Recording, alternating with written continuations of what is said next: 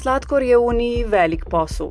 V njem sodelujejo tako pridelovalci sladkorne pese in sladkornega trsa, kot proizvajalci in predelovalci sladkorja.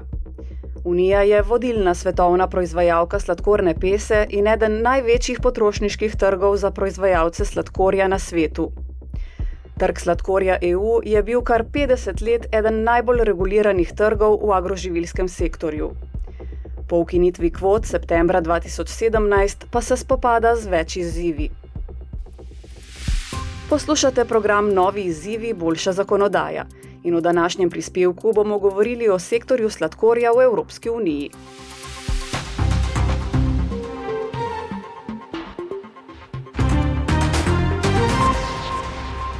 Okoli 80 odstotkov sladkorja na svetu se pridobi iz sladkornega trsa.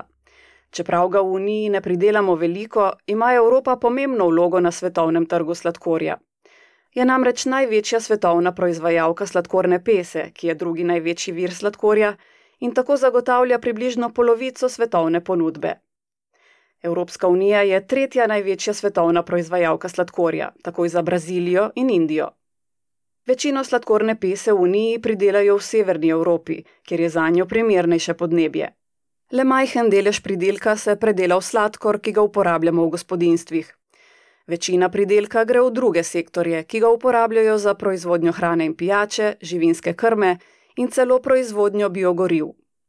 Proizvodni trendi v evropskem sektorju sladkorja se spreminjajo, tako kot se spreminja politika EU na tem področju.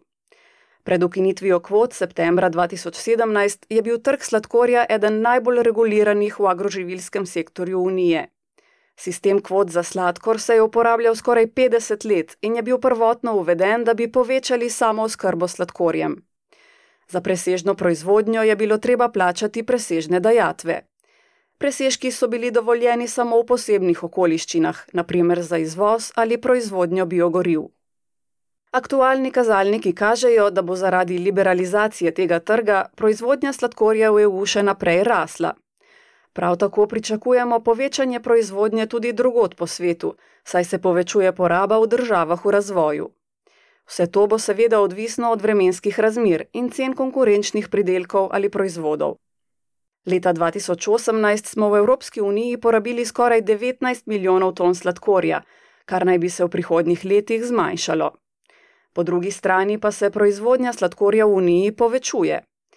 Med letoma 2011 in 2016 smo ga v povprečju pridelali 17 milijonov ton, tako da je zdaj proizvodnja po ocenah dosegla 21 milijonov ton. Sladkor pa ni edini proizvod te industrije. Proizvaja namreč še izoglukozo, ki je glavni nadomestek sladkorja, melaso, pulpo sladkorne pese in celo energijo v obliki električne energije in bioplina. Proizvodnja in predelava sladkorne pese sta pomemben vir zaposlovanja in prispevata k regionalnemu razvoju, vendar dolgoročne posledice liberaliziranega trga še niso povsem jasne. Ukinitev kvot pomeni, da lahko proizvajalci sladkorja v EU dajo na trg neomejene količine sladkorja, a so s tem tudi bolj ranljivi za tržne spremembe. Zato kmetijska politika EU ta sektor še naprej podpira, saj se osredotoča na dohodek kmetov in razvoj trga. Konkretno to pomeni, da lahko pridelovalci sladkorne pese prejmejo podporo v obliki neposrednih plačil, ki večinoma niso vezana na proizvodnjo. Države članice Unije lahko sektorjem v težavah zagotovijo prostovoljno vezano podporo, kar velja tudi za panogo sladkorne pese in sladkornega trsa. Evropska unija lahko sektor sladkorja podpre s posebnimi tržnimi posegi, zlasti v primeru nedelovanja trga ali kriz. Tako lahko na primer odobri pomoč za zasebno skladiščenje ali sprejme druge ukrepe za pomoč v primeru nestanovitnosti cen ali drugih resnih motenj na trgu. Evropski parlament je v zadnjih letih mnogo prispeval k reformam politike EU na področju sladkorja. Poslanci so po predstavitvi v parlamentu o prihodnosti trga sladkorja v Uniji leta 2016 o tem povprašali tudi druge evropske institucije.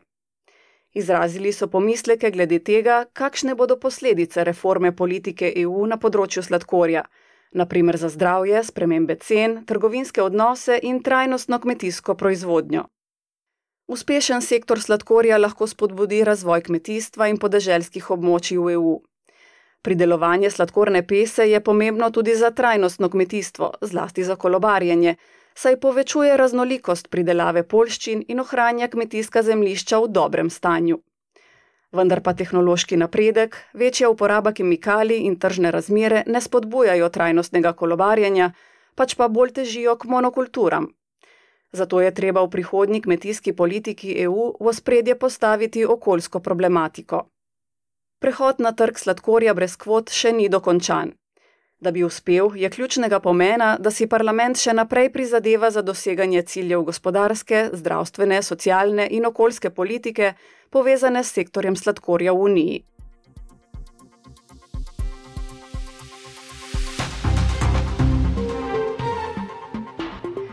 To je bil prispevek Evropskega parlamenta. Več informacij je na voljo na našem spletnem mestu Think Tank.